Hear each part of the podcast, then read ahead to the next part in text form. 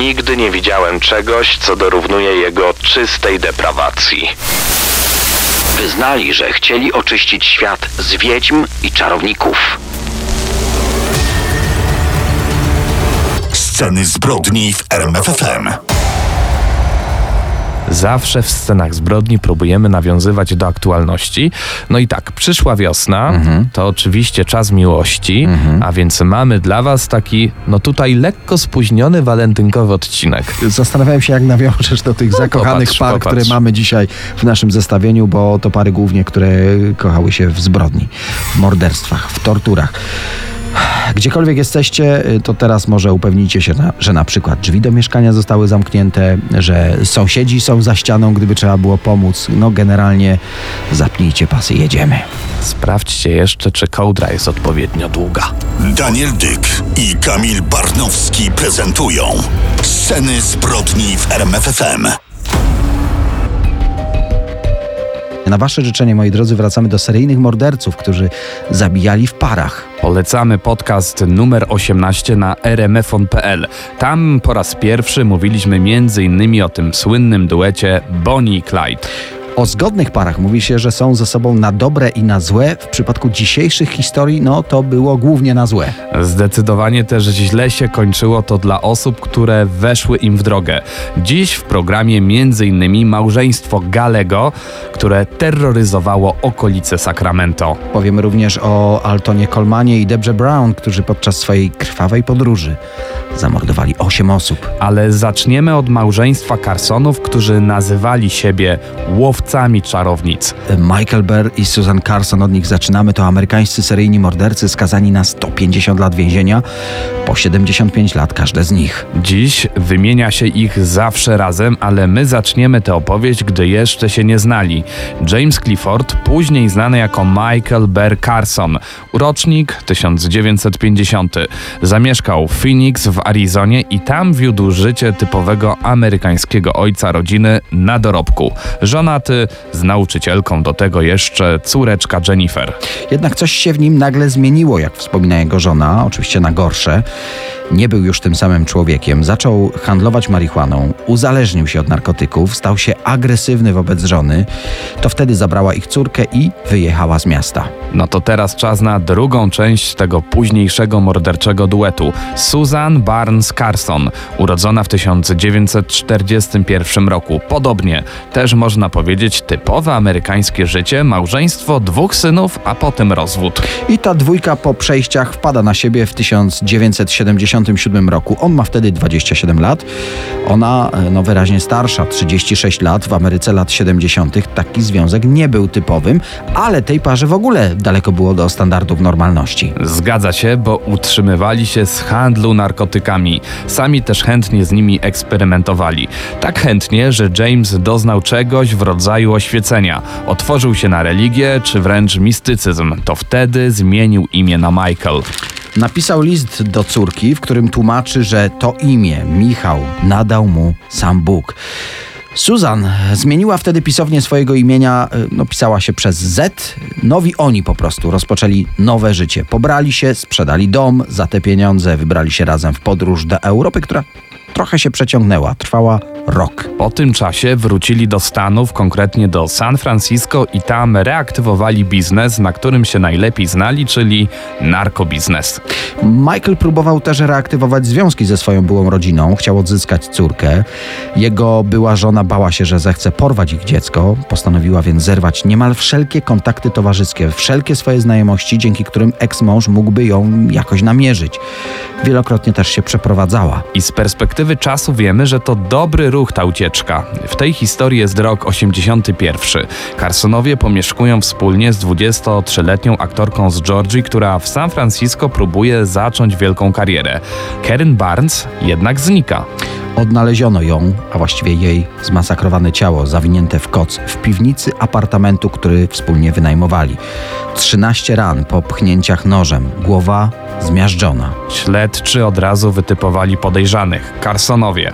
Jak się okazało słusznie. Któregoś dnia Susan uznała, że młoda aktorka jest czarownicą, a wiedźmie nie można pozwolić żyć. Carsonów nie udało się zatrzymać. Wraz z dziećmi wyjechali do górskiej kryjówki w Oregonie, a następnie wrócili do Kalifornii, ale skryli się w cieniu góry morderstw, która wtedy jeszcze tak się nie nazywała. Tę swoją złowrogą nazwę zyskała właśnie dzięki Carsonom. Przypomnijmy, po zamordowaniu współlokatorki, którą podejrzewali o to, że jest czarownicą, schronili się w dzikich okolicach hrabstwa Humboldt, dokładnie w rejonie Alder Point na północy Kalifornii.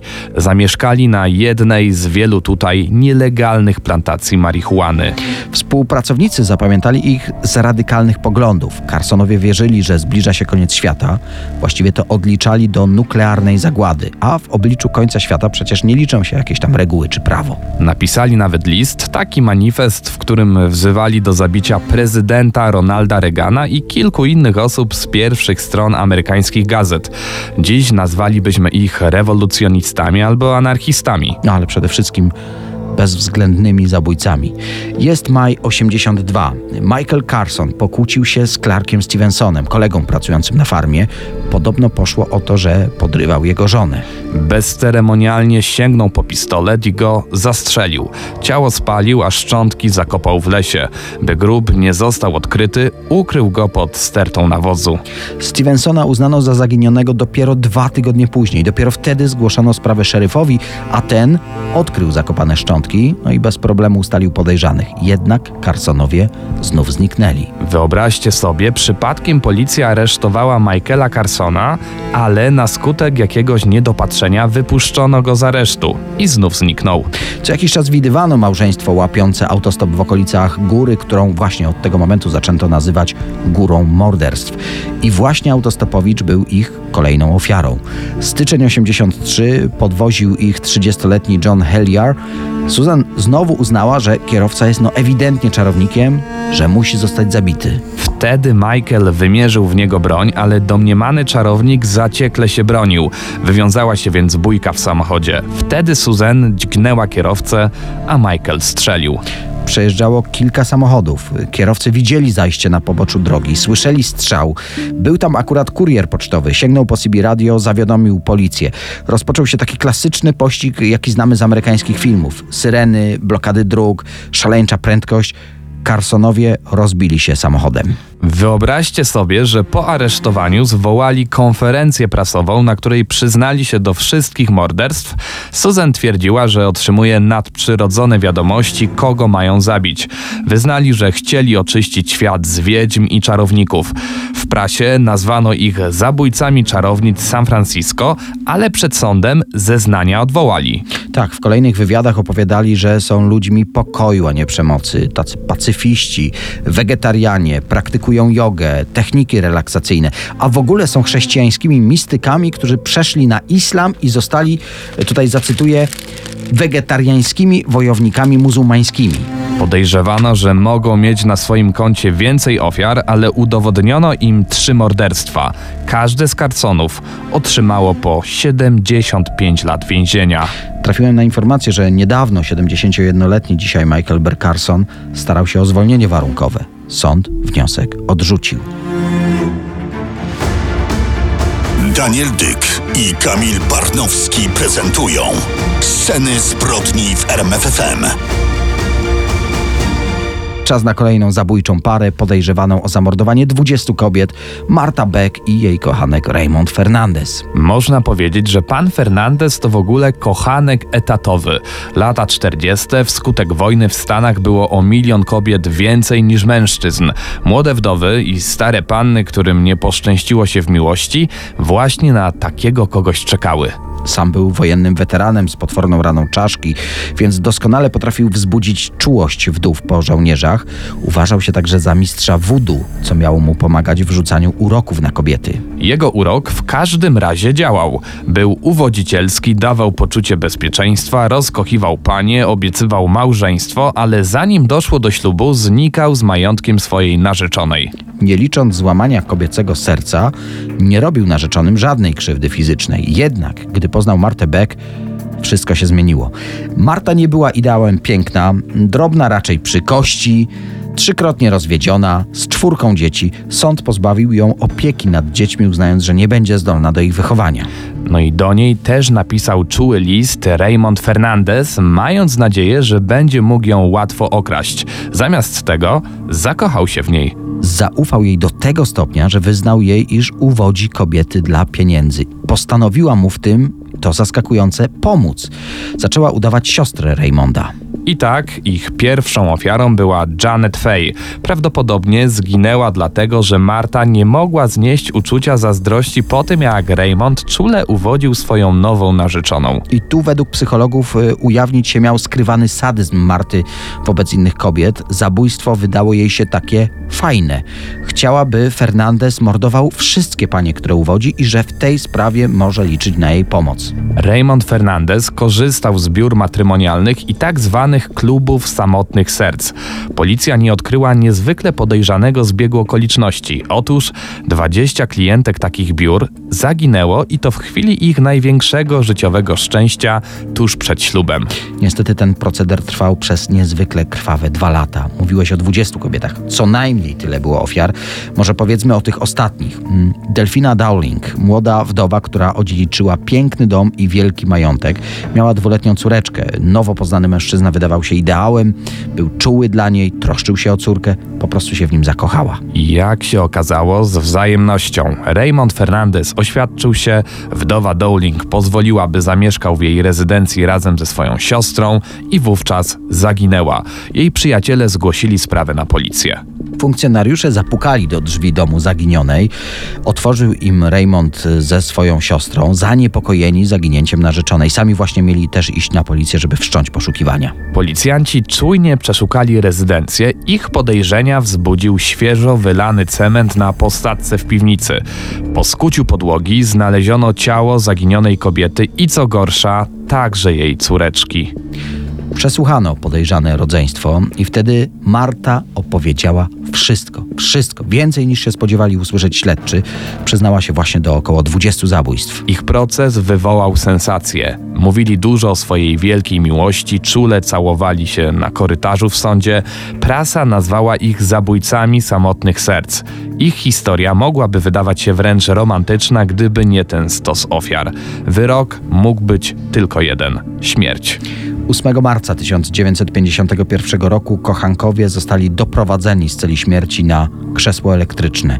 Według świadków do ostatniej chwili wymieniali między sobą czułe spojrzenia. Ostatnie słowa Raymonda Fernandeza brzmiały tak: My story is love story. To opowieść o miłości.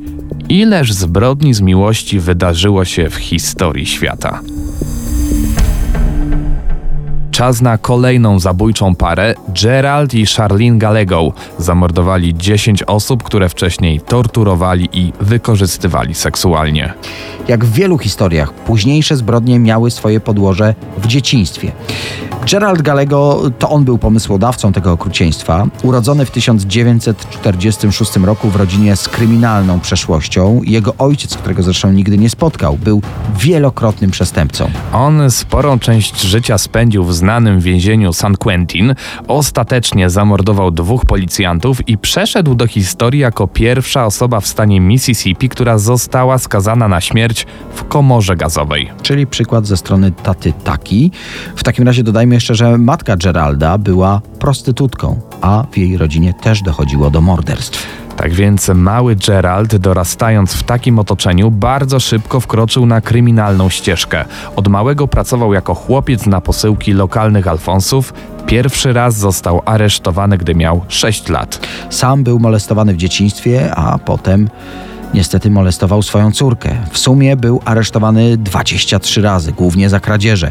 Na swoim koncie miał też bardzo wiele nieudanych małżeństw. Na życie zarabiał oficjalnie jako kierowca ciężarówki i barman. Czas na drugą część tego morderczego duetu. Charlene Adele Williams, rocznik 56, no całkowite przeciwieństwo Geralda. Jedynaczka z bardzo dobrej rodziny, wybitnie inteligentna, IQ na poziomie 160 punktów, do tego wybitny talent do gry na skrzypcach. Ale w szkole średniej uzależniła się od alkoholu i od narkotyków. To jej karierę zatrzymało, ostatecznie nie dostała się na studia. W momencie poznania się z Geraldem Galegą, y, Charlene miała już za sobą dwa nieudane małżeństwa. W dużym skrócie, była zbuntowaną dziewczyną z bogatego domu, która zepsuła sobie życie fatalnymi wyborami. Niestety to był dopiero początek tych nietrafionych wyborów. Drogi Charlene i Geralda przecięły się we wrześniu 1977 roku. Spotkali się w barze pokerowym w Sacramento. Charlene, niska blondynka, od razu wpadła w oko Geraldowi. Zresztą on sam też był całkiem przystojnym facetem. Ostatecznie obsypywanie kobiety kwiatami szybko przyniosło pożądany skutek. Zamieszkali ze sobą, pobrali się, ale małżeństwo zdecydowanie nie było sielanką. Charlene była jedyną żywicielką rodziny. Wszystkie zarobione pieniądze oddawała swojemu wybrankowi. Do tego w pewnym momencie Gerald Gallego stwierdził, że kobieta nie jest mu w stanie wiele zaoferować, nie jest z nią szczęśliwy, dlatego musi ona mu pomóc w zdobyciu nastoletnich niewolnic seksualnych. Jak później się okazało, Charlene była w tym niestety wybitnie skuteczna. Oni działali zawsze w taki sam sposób. Kręcili się w okolicach centrów handlowych, Gerald ofiarę, a Charlene zwabiała do samochodu nastoletnie dziewczyny. Zazwyczaj proponowała im darmową marihuanę i to wystarczało. A w samochodzie czekał już uzbrojony Gerald. Zastraszał dziewczyny, wiązał i wywoził poza miasto. Tam urządzał prawdziwe piekło. Dziewczyny były bite, gwałcone, no i w końcu mordowane. Zupełnie niewinne kobiety, które znalazły się w złym miejscu w nieodpowiednim czasie. One umierały przez strzał w głowę, uduszenie lub katowane łopatą i młotkiem. Ciała swoich ofiar mordercza para po prostu porzucała na pustkowiach, a każda kolejna zbrodnia coraz bardziej napędzała ten brutalny szał Geralda. Pierwszą ofiarą małżeństwa Galego była 17-letnia Ronda i 16-letnia Kipi, to był wtedy wrzesień 1978 rok. Dodajmy, para zawsze polowała na dwie kobiety. Natomiast ostatnie morderstwo to 1 listopada 1980 roku, tym razem para narzeczonych, 21-letnia Mary i 22-letni Craig, którzy po prostu zostali złapani, gdy wychodzili z przyjęcia od znajomych. Chłopak właściwie od razu został zastrzelony, a kobieta wywieziona do mieszkania napastników, gdzie zginęła w brutalnych torturach. Małżeństwo udało się złapać dzięki temu, że znajomi zamordowanej pary zapamiętali markę samochodu, do którego wsiedli oraz jego numery rejestracyjne. Po aresztowaniu oczywiście nie przyznali się do winy. Jednak widmo niechybnej kary śmierci okazało się silniejsze. Adwokaci Charlene zaproponowali jej ugodę. Przyzna się do tego, co zrobiła i będzie zeznawała przeciwko swojemu mężowi w zamian za złagodzenie wyroku. I tutaj pojawia się pytanie, która wersja zdarzeń jest prawdziwa? Pierwsza. Zastraszona kobieta stała się marionetką w rękach męża, popełniała najcięższe przestępstwa, pomagała w morderstwach po to, żeby nie znaleźć się na miejscu ofiary. Czy też, tak jak twierdzi Gerald Gallego, kobieta dobrowolnie uczestniczyła w tym bestialstwie i czerpała z tego satysfakcję. Sąd zdecydowanie przychylił się do pierwszej wersji. Zresztą Gerald podczas procesu bardzo w utwierdzeniu się w tej wersji sądowi pomagał. Zdecydował, że sam będzie swoim adwokatem, a jego wystąpienia no, tylko go pogrążały. Ostatecznie Charlene została skazana na te 16 lat więzienia, a Gerald na karę śmierci. Mimo wyroku z 1984 roku zmarł dopiero w 2002 na raka w wieku 56 lat. Zacytujmy jeszcze sędziego, który prowadził sprawę Geralda Galego. Nigdy nie widziałem czegoś, co dorównuje jego czystej deprawacji. Czas na kolejną parę. Mm, Alton Coleman i Debra Brown. Mordercy ze Stanów Zjednoczonych w 1984 roku w sześciu stanach zamordowali 8 osób. Coleman cierpiał na zaburzenia osobowości z cechami aspołecznymi i narcystycznymi. Gdy był niemowlęciem, jego mama wyrzuciła go do kosza na śmieci, ale został uratowany przez swoją niewiele lepszą babcię. Wychowywał się w środowisku pełnym przemocy, prostytucji i narkotyków. Nie ukończył szkoły średniej, dołączył jednak do lokalnego gangu. Jako dziewiętnastolatek był oskarżony o sześć przestępstw seksualnych. Finalnie jednak uniknął tych najcięższych zarzutów. Natomiast Debra Brown w dzieciństwie doznała poważnego urazu głowy. To skutkowało później lekką niepełnosprawnością intelektualną i zaburzeniami osobowości. Alton i Debra poznali się w 1983 roku. Kobieta porzuciła dla niego innego mężczyznę, z którym była już zaręczona. Coleman był oskarżony o gwałt na 14-letniej dziewczynce, dlatego razem ze swoją nową partnerką uciekli z Illinois. Właśnie wtedy rozpoczęła się ich zabójcza podróż. To, do czego była zdolna ta dwójka, nie mieści się w głowie. Alton Coleman był przekonany, że jest nietykalny, bo chronią go duchy wudu. W rzeczywistości potrafił idealnie wtapiać się w tłum. Zaprzyjaźniał się ze swoimi ofiarami, zdobywał ich zaufanie, a potem bezwzględnie wykorzystywał seksualnie i bezlitośnie mordował. Para zabijała zarówno kilkuletnie dzieci, jak i dorosłych. Niszczyli dosłownie wszystko, co napotkali na swojej drodze. Zostali złapani pod koniec lipca 1984 roku. Bilans ich morderczej podróży był wstrząsający. 8 morderstw, 7 gwałtów, 3 porwania i 14 napadów z bronią w ręku.